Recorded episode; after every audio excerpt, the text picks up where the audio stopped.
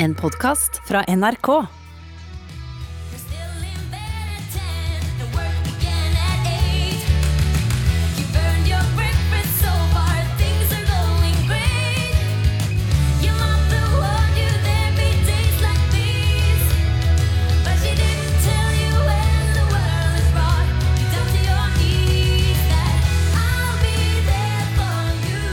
I'll Be There For You sang Trollet, selveste vinneren av den store kostymefesten eh, Maskorama.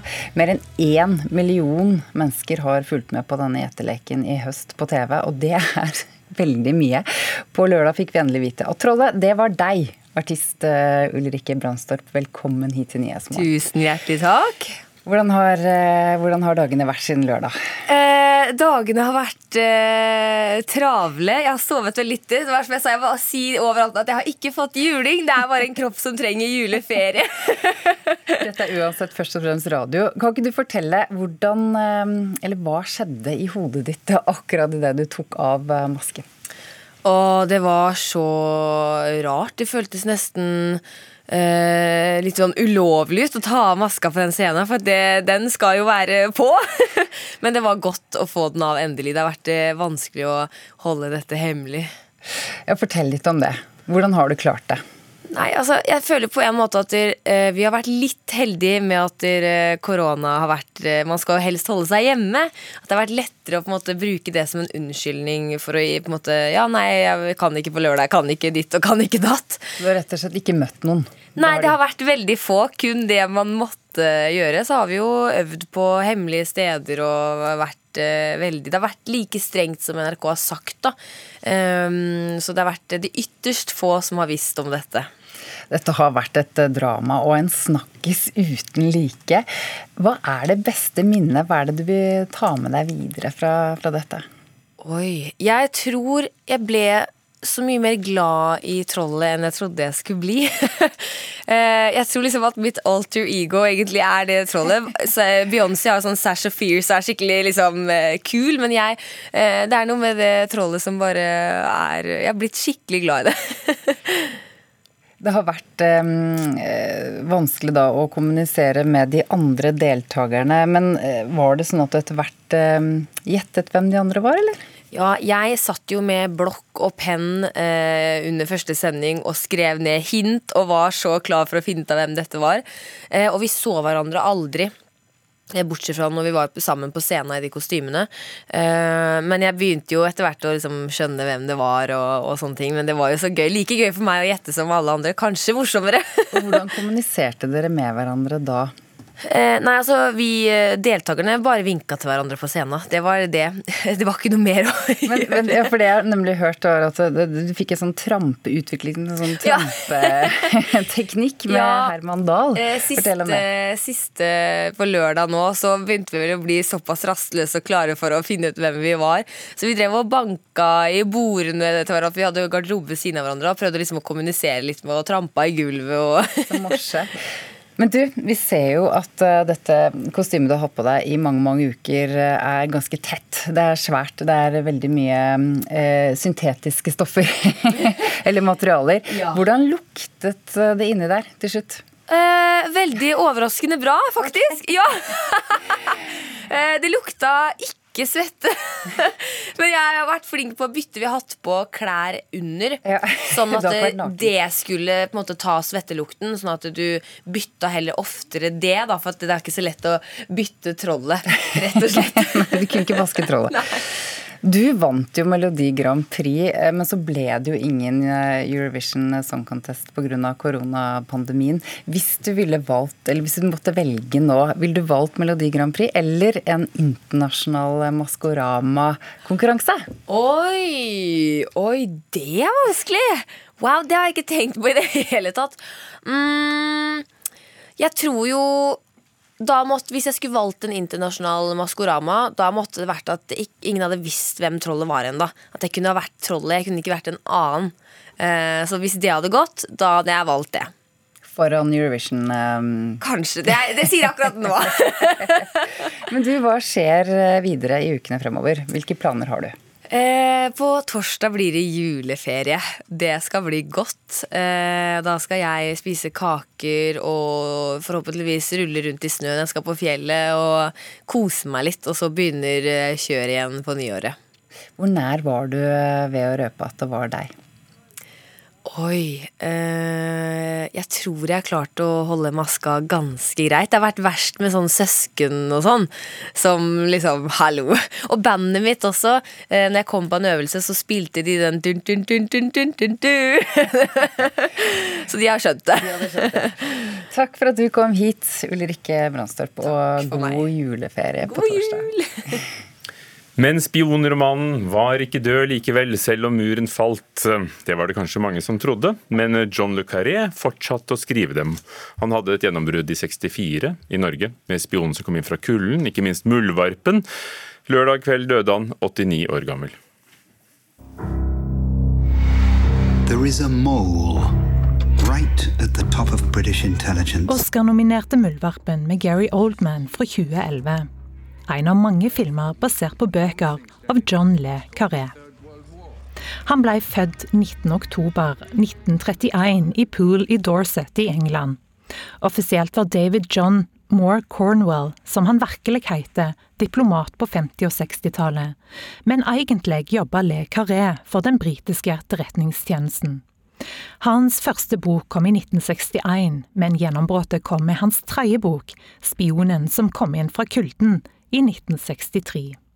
Suksessen gjorde at han i 1964 forlot utenrikstjenesten og ble forfatter på heltid. Totalt ble det 25 spionromaner, flere av dem inspirert av erfaringer fra eget liv. Agenten George Smiley går igjen i ti av bøkene. Totalt har han solgt 60 millioner bøker verden over. Hans familie bekrefter ifølge The Guardian at han døde av lungebetennelse lørdag kveld, 89 år gammel. Det var Helga Tunheim, det. Agnes Moxnes, kulturkommentator her i NRK. Hvem var John Le Carré på ett minutt? Ja, Han ble jo godt oppsummert her, da, men han er jo definitivt eh, liksom, spionromanens store forfatter. Eh, det var jo spionromaner før John Le Carré også, men spionromanen etter 1961 og hans store gjennombrudd med 'Spionen som kom inn fra kulden', er der troner eh, Le Carré fortsatt helt, helt på toppen. Er den spennende i dag også? Ja, den er jo det. Han, altså, han, ga jo ut romaner hele livet sitt. Det er jo mindre enn et år siden vi anmeldte hans eh, siste roman 'En fri agent', også her i, i Norge. Og en av de siste romanene hans, kom i 2017, tror jeg, var jo en Han har jo hele tiden tatt for seg liksom eh, det internasjonale De internasjonale konfliktene, mennesker som, som eh, Altså der makt og, og politikk og, og penger møtes. Og brexit var jo liksom et av hans siste temaer, og det var jo, han definerte seg jo i den eh, og i intervjuer som blir gjort som en europeer, og var en sterk motstander av brexit. og han slapp jo altså brexit. Og kalte det heller for dårlig statsmannskunst i, i et intervju i The Guardian.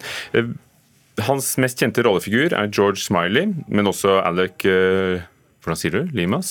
Li, eh, lim, eh, limes, ja. Ja. Mm. Ingen James Bond-elegans akkurat. Hva slags typer tegnet han? Det er ganske morsomt, fordi at disse her figurene de kommer jo omtrent samtidig som den første James Bond-figuren kommer, som den romantiske, store helten som elegant eh, beveger seg gjennom, synlig gjennom landskapet. Men disse karene her, de er det motsatte. Og jeg tror det er John Le Carré som har beskrevet eh, en typisk spion som en som leker indianer og cowboy for å prøve å skjule sitt egentlig elendige liv. Så de er gjerne kortfastet, nei, kortvokste, litt korpulente, eh, sier ikke stort, eh, drikkfeldige, og mange av dem svikter jo også idealene sine. Slags antihelter? Ja, det kan man si, men det er jo nok nettopp dette denne type mennesker som gjør altså den type karakterer som han er helt utrolig flink til å beskrive, og som befolker romanene hans hele, hele veien. Eh, startet jo med den, den kalde krigen. Etter hvert kom våpenindustrien. Eh, eh, portieren, Nattportieren kom jo for noen år siden, 2001 tror jeg, ble en av disse store seriesuksessene. Ehm, og hvor det handlet om, om våpenindustrien. Medisin har vært et eh, tema, og som sagt da brexit eh, her på slutten. Så om ikke direkte politisk og politisk engasjert. Agnes Moxnes, eh, hvis vi skal se eller lese. Vi kan jo begynne i, den bakerste enden med en fri agent som, som er ungdommelig og upessimistisk ifølge mm. vår kritiker. Hva ellers skal vi gripe fatt i? Altså, jeg satt, ble sittende i går kveld og se på intervjuer med John Le Carré. Det ligger jo veldig mange av dem ute på, på YouTube. Eh, og han er jo en så nydelig, nydelig mann.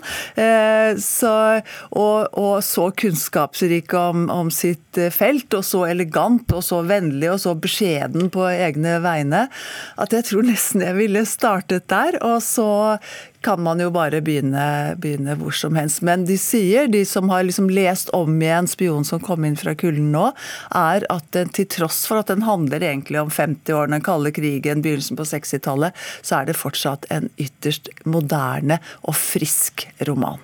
Og skrevet av en som var der. Takk skal du ha, Agnes Moxnes. John Le Carré ble 89 år gammel og døde i helgen. Nå til et kunstgalleri der det er en viss aktivitet. I galleriet OSL Contemporary i Oslo vises nye verk av en av våre fremste kunstnere, nemlig Leonard Rikard. Mona Palle Bjerke, kunstkritiker her i NRK. For de som ikke vet hvem er han? Ja, han er født i 1945, så han er 75 år gammel. Han er eh, utdannet på Statens kunstakademi, og han er kjent for sine litt sånn naiv, naive, eh, figurative malerier.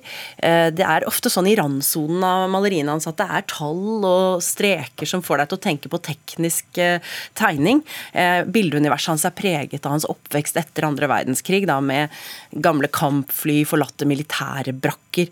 Han kretser mot motivisk rundt kulturlandskap. Ofte sånn en rød låve eh, mot en grønn eng og en blek blå eh, sommerhimmel. Og Noen ganger så understreker han det veldig stillestående i bildene ved f.eks. å sette inn noe bevegelig, som f.eks. en demning som brister og vannmasser som bruser. Så han har disse kontrastene også i bildene. 75 år maler da fortsatt, eh, for nå vises helt nye bilder fra perioden 2018 til 2020 på dette lille galleriet OSL Contemporary på Frogner i Oslo, altså. Mm. Ja, Pressevisning er ikke noe lenger et sosialt møtepunkt for en ensom yrkesgruppe. Eh, jeg ble sluppet inn da en enkelt kritiker der med rene desinfiserte hender og maske for ansiktet. Men det passet veldig godt denne gangen å være mutters alene, for Leonard Richard han har etablert seg som stillheten og ensomhetens eh, maler.